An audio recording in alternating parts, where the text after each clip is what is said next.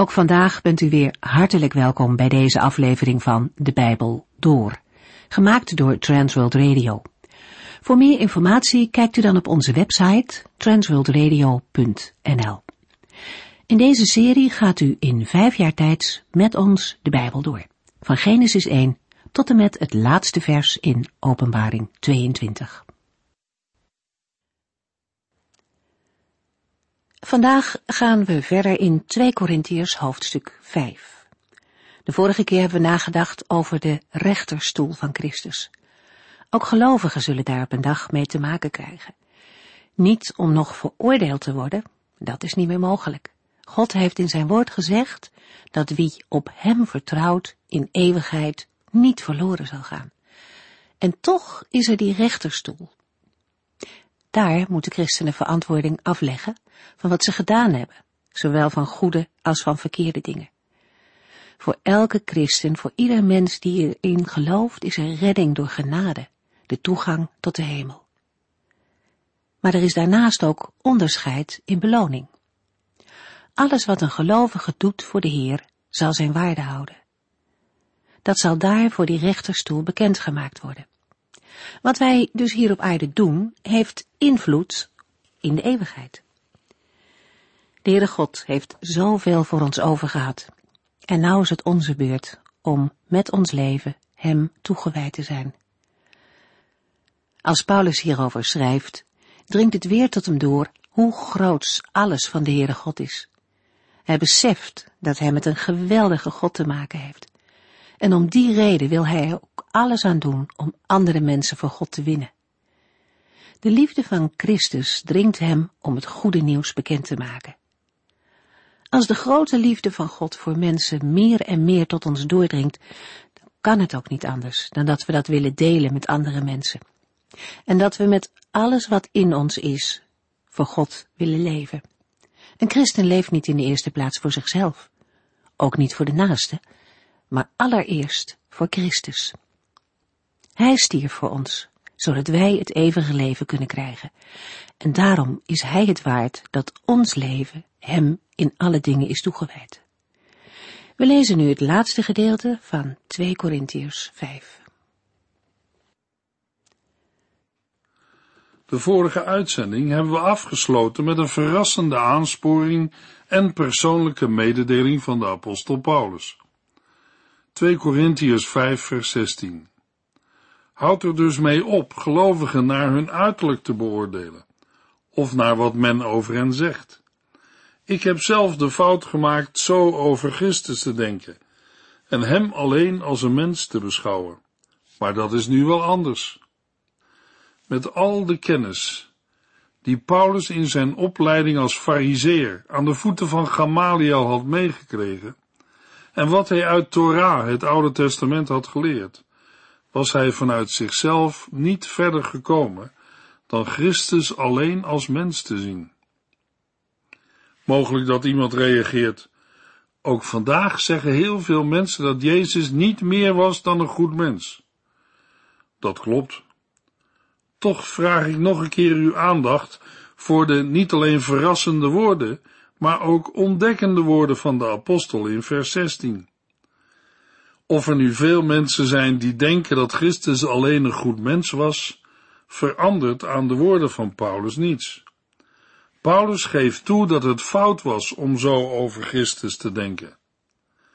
Natuurlijk, iemand kan zeggen, ja, Paulus zegt dat, maar wie is Paulus? Ook een gewoon mens. Zeker. Paulus was een gewoon mens, maar wel een door de heiland zelf geroepen apostel, een gevolmachtigde om hem, Jezus, bekend te maken.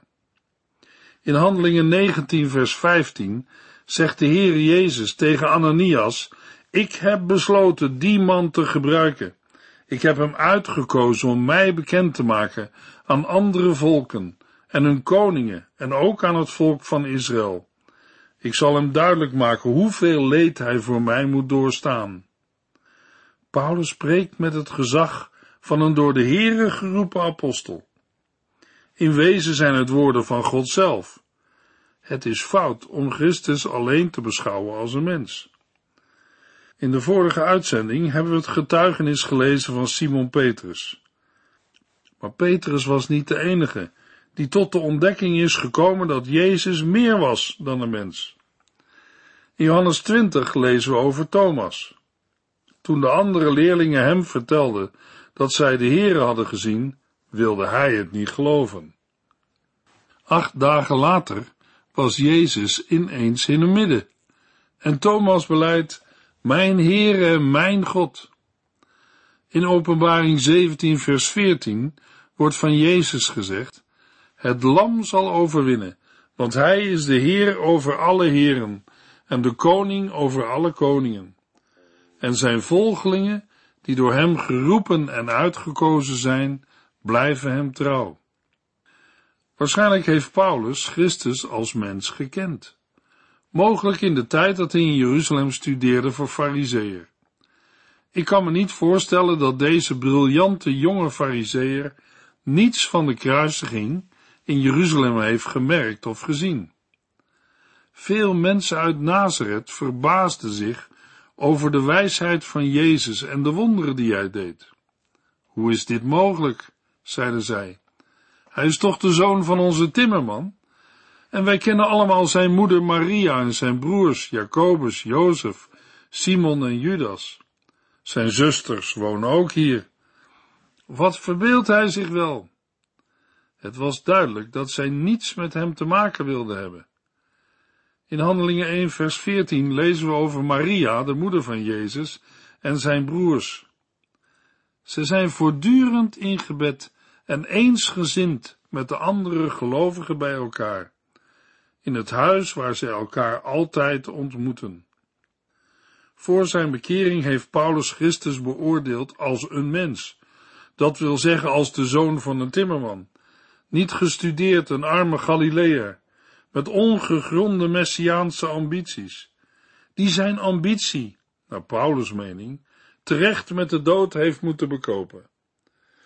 Maar sinds zijn bekering was het Paulus duidelijk geworden dat Jezus Christus de Zoon van God was, die gedreven door liefde de weg naar het kruis ook voor Paulus is gegaan. Door zijn verzoeningswerk is Paulus van binnen helemaal nieuw geworden. 2 Korintiërs 5 vers 17 Als u christen wordt, wordt u van binnen helemaal nieuw. U bent als het ware opnieuw door God geschapen. Er is een heel nieuw leven begonnen. In het vorige vers lazen we dat niemand het recht heeft om gelovigen te beoordelen naar hun afkomst, status, geslacht, uiterlijk of voorkomen. De tegenstanders van de apostel Paulus zijn verkeerd bezig. Opnieuw zijn de woorden in vers 17 zeer beknopt. Waarschijnlijk omdat het onderwijs dat nu volgt bij de Corinthiërs bekend is. De zinsnede als u christen wordt, wordt u van binnen helemaal nieuw, verwijst opnieuw naar de verbondenheid met Christus door het geloof en de doop. Daardoor is de kruisdood van Christus ook in de gelovigen werkzaam, zodat gezegd kan worden dat zij met Christus gestorven zijn en dat hun oude leven met hem mee is gekruisigd. Vanaf dat moment mogen en moeten zij zichzelf zien als nieuwe schepping van God. In Colossense 3 vers 9 en 10 lezen we, lieg niet tegen elkaar. Dat hoorde bij uw oude leven, waarmee u hebt afgerekend. Maar nu bent u een nieuwe mens, die nog steeds groeit en God beter leert kennen. Zo zult u meer en meer gaan lijken op God, die u gemaakt heeft. De oude dingen, welke voorbij gegaan zijn, betreffen niet alleen het oude leven met zijn zondige neigingen, maar ook de natuurlijke mens in de zin van afkomst en natuurlijke bekwaamheden en tekorten. Ook vertrouwen op afstamming en eigen inspanning heeft zijn betekenis en geldigheid verloren. De woorden aan het slot van vers 17 doen sterk denken aan Jesaja 43 vers 18 en 19. Blij klinkt dan ook de uitroep, maar nu bent u een nieuw mens. In Jesaja 43 zegt de Heere, ik ben iets heel nieuws van plan. Zijn belofte van redding en vergeving is werkelijkheid geworden in Christus. Een gelovige mag zich verheugen over het nieuwe dat de Heer nu al in hun binnenste bewerkt. Zij mogen met blijdschap uitzien naar de dag waarop hun eigen bestaanswijze wordt verheerlijkt en de hele schepping wordt vernieuwd. Immers, de Heere belooft in Openbaring 21 vers 5, ik maak alles nieuw. Daar zijn we nu nog niet, maar zo gaat het wel worden. Daar staat de Heere zelf garant voor. Dat bemoedigt en geeft kracht voor vandaag. Als een mens naar zijn of haar aftakelende lichaam kijkt en de weerbarstigheid van het menselijke leven ziet en ervaart, dan kun je er weemoedig, verdrietig en misschien ook wel boos van worden. Maar in zo'n donker dal van menselijke hopeloosheid mag het licht schijnen van Gods liefde en toekomst. Dan moeten gelovigen elkaar aansporen om niet te zien op wat voor oog is, maar te luisteren naar Hem die zegt, ik maak alles nieuw en ik kom gauw met mijn beloning. Ik geef ieder het loon voor zijn daden. Ik ben de Alpha en de Omega, de eerste en de laatste, het begin en het einde. Zijn er dan geen worstelingen meer in het leven van een gelovige? In deze gebroken wereld, vol met mensen, dieren en een schepping die onder de vloek van de zonde ligt, midden in de dood, zijn de verleidingen vele. Maar de apostel Jacobus schrijft in zijn brief aan Joodse christenen, gelukkig is hij die telkens verleidingen weerstaat en niet doet wat verkeerd is. Want later zal hij als beloning de kroon krijgen die God beloofd heeft aan alle die hem liefhebben, het eeuwige leven. Maar als u moeite hebt om de zonde het hoofd te bieden, moet u niet zeggen dat God u in de verleiding brengt. God heeft nooit de neiging iets slechts te doen en hij brengt niemand in verleiding. Het zijn uw eigen slechte verlangens die u in verleiding brengen. De slechte verlangens waar u aan toegeeft, brengen u tot zonde, en als de zonde volgroeid is, brengt die de dood voort. Broeders en zusters, verlaat dus nooit de weg van God. De Heer Jezus zegt in Johannes 5 vers 24, wie naar mijn woorden luistert en gelooft in hem die mij gestuurd heeft, heeft eeuwig leven. Over zo iemand wordt geen oordeel uitgesproken, maar die is overgeplaatst uit de dood in het leven. Luisteraar, gelooft u in de Heer Jezus Christus? Dat blijkt uit het gehoorzamen van het woord van God. Als de woorden van de Heer het ene oor in en het andere weer uitgaan, dan heeft u de woorden wel gehoord, maar er niet naar geluisterd. In Christus is een gelovige een nieuwe schepping geworden. Het oude is voorbij gegaan en alles is nieuw geworden. 2 Korintiërs 5 vers 18 Al dit nieuwe komt van God, die ons door Jezus Christus bij zichzelf heeft teruggebracht. Hij heeft ons opgedragen overal te vertellen dat iedereen het nu met God in orde kan maken. Paulus' verdediging tegenover hen die hem op uiterlijkheden hebben beoordeeld, is nu afgesloten. Al bespeuren we voortdurend een verdedigende toon in de verdere beschrijving van zijn bediening. De echtheid van zijn apostelschap en zijn betrouwbaarheid worden door sommige Corinthiërs nog steeds in twijfel getrokken. Maar alles wat in de voorgaande verse is gezegd over het nieuwe leven in Christus, komt niet van Paulus, maar komt van God, die ons door Jezus Christus bij zichzelf heeft teruggebracht. Vers 18 verwoordt de kern van het evangelie. De verzoening van een vijandige mensheid met haar schepper gaat helemaal van de Heer uit. Er is geen sprake van een verzoeningspoging van mensen. Vanwege de zonde is dat vanuit de mens ook niet mogelijk. Ik doe niet alleen zonde, ik ben zonde. Dat wil zeggen, van nature ben ik geneigd God en mijn naaste te haten en alleen bezig met mezelf. Een van de eerste medewerkers van de apostel Paulus is Titus. De apostel schrijft hem in een brief Vroeger hadden wij ook geen inzicht. We waren ongehoorzaam, misleide slaven van onze zondige verlangens en lusten. Ons leven was vol wrok en jaloezie. Wij haten anderen en wij haten elkaar. Maar toen de tijd aanbrak dat God ons, door de komst van zijn zoon, zijn liefde en vriendelijkheid zou tonen, heeft hij ons gered. Niet omdat wij het hadden verdiend, maar omdat hij met ontferming over ons bewogen was en medelijden met ons had. Hij heeft onze zonden afgewassen, ons nieuw leven gegeven en ons vernieuwd door de Heilige Geest, die hij rijkelijk over ons heeft uitgegoten. En dat allemaal om wat Jezus Christus onze redder heeft gedaan. Dankzij zijn genade zijn wij voor God rechtvaardig verklaard en erfgenamen geworden van het eeuwige leven, waar wij nu op hopen. Wat ik hier gezegd heb, is allemaal waar. Wijs er telkens met klem op. Dan zullen de christenen niet vergeten dat ze goed moeten doen.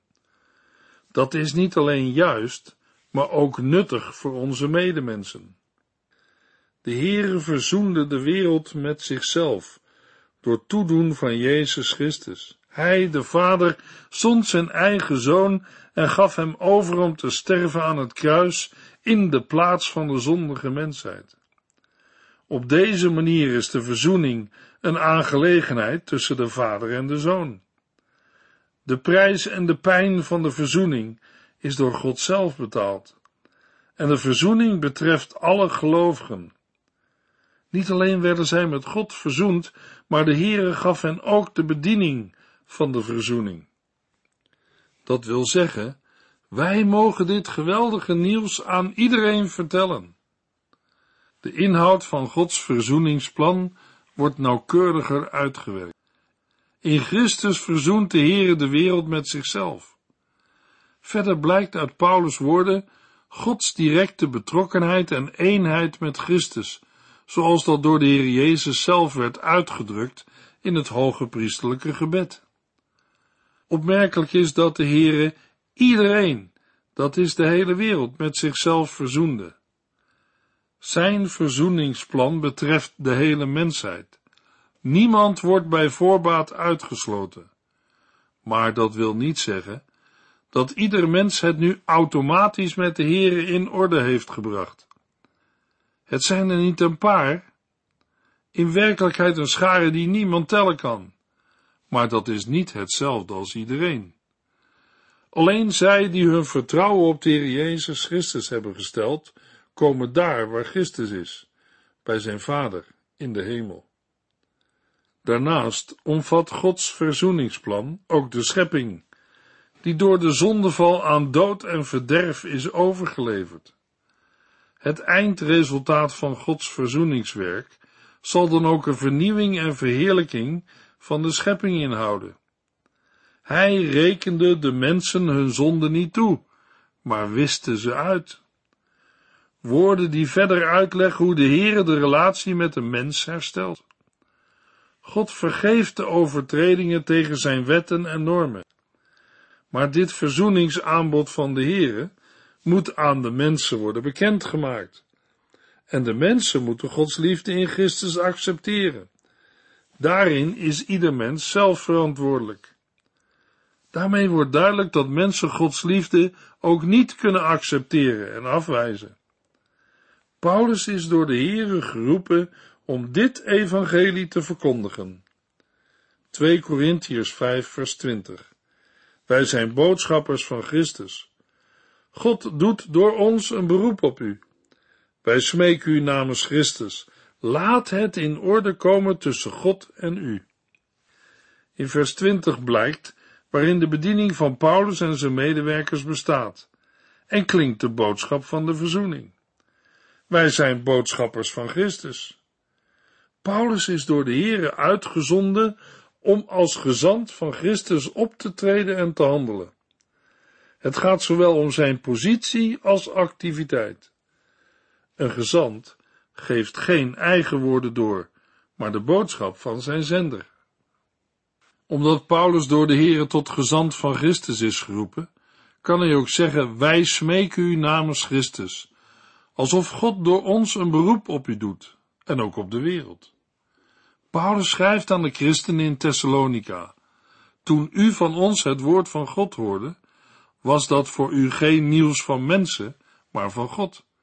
U hebt het aangenomen voor wat het was, een boodschap van God. De woorden, laat het in orde komen tussen God en u, staan in de gebiedende wijs. Het gaat dan ook niet om een proces, maar om een beslissing, die genomen moet worden op het moment dat de oproep klinkt. Het woordje laat, in de zinsnede laat het in orde maken, is bovendien passief. Dat wil zeggen, het gaat er niet om dat de mens zich met God moet verzoenen. Nee, de mens moet verzoend worden. Hij of zij moet de al plaatsgevonden verzoening aanvaarden en het verzet tegen deze verzoening staken. Christus heeft de prijs voor de verzoening betaald. Het zou een grote belediging aan het adres van hem zijn om dit aanbod van verzoening hoogmoedig van de hand te wijzen. Immers, wij zijn het die als schapen afdwaalden. Wij verlieten Gods paden en gingen onze eigen weg. Desondanks legde God de schuld en zonde van ons allen op hem. Ook in het Nieuwe Testament wordt op vele manieren de boodschap van het evangelie verwoord. Bijvoorbeeld in Colossense 1 vers 20 tot en met 22. Door zijn zoon heeft God een altijd durende vrede gesticht tussen zichzelf en alles wat in de hemelen en op de aarde is. Doordat Christus zich aan het kruis heeft opgeofferd en zijn bloed heeft gegeven, is er verzoening met God. Dat geldt ook voor u, die vroeger zo ver van God verwijderd was. U leefde als vijand van hem, zoals bleek uit de slechte dingen die u dacht en deed. Maar nu heeft God zich met u verzoend door de dood aan het kruis van zijn aardse lichaam. Zo heeft Christus u heilig en zuiver gemaakt en in de dichte nabijheid van God gebracht. De ergste zondaar op de wereld kan en mag naar de Heere gaan. Paulus heeft het zelf aan de lijve ondervonden. Hij had de gemeente van Christus vervolgd en voelde zich de grootste van alle zondaren. En deze Paulus mag u, jou en mij de boodschap van de Heere doorgeven. 2 Korintiërs 5 vers 21 Want God nam Christus, die geen zonde gedaan had, en belastte hem met onze zonden. In ruil daarvoor rekent God de rechtvaardigheid van Christus aan ons toe. Opnieuw is Paulus in vers 21 erg beknopt, omdat de Corinthiërs het achterliggende onderwijs kennen. Jezus Christus is de enige mens die geen zonde heeft gedaan. Christus wist zeker wat zonde was, maar heeft zelf nooit gezondigd. Tevergeefs had de duivel geprobeerd de Heer Jezus tot zonde te verleiden. Toch heeft God hem met onze zonde belast. De Heer heeft hem de zonde van de mensheid toegerekend en Christus heeft de straf vrijwillig op zich genomen. Het doel van de plaatsvervangende kruisdood van Christus is dat God in ruil daarvoor de rechtvaardigheid van Christus aan ons toerekent. Het kruisoffer van Christus is gebracht voor alle mensen, maar de rechtvaardigheid die daaruit voortvloeit, ontvangt de mens alleen als hij of zij door het geloof en de doop aan Christus is verbonden.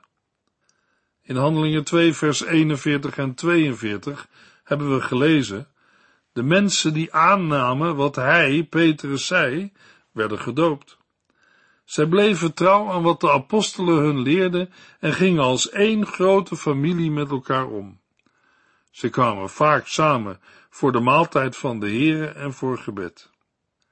Tot geloof komen verbindt aan de drie-enige God, maar ook aan andere gelovigen, in de gemeenschap van een kerk of gemeente. Maar de gemeente of de kerk van Christus wordt ook geroepen om het evangelie door te geven. 1 Petrus 2 vers 9 en 10. U bent door God uitgekozen om koninklijke priesters te zijn. Mensen die voor God zijn afgezonderd om overal te vertellen hoe goed en groot Hij is, die u geroepen heeft om vanuit de duisternis naar zijn heerlijk licht te komen. Vroeger hoorde u bij een volk dat niet bij hem hoorde. Nu bent u zelf het volk van God. Vroeger wist u niet hoe goed en vriendelijk God is. Nu hebt u zijn goedheid zelf ervaren. Wie kan zo'n taak aan? Paulus schreef in 2 Korintiërs 3 vers 5 en 6 Wij denken niet zelf iets van blijvende waarde te kunnen doen. Onze kracht en de resultaten komen alleen van God. Hij heeft ons geholpen anderen over zijn nieuwe verbond te vertellen. Dit is geen verbond door de wet, maar door de Heilige Geest.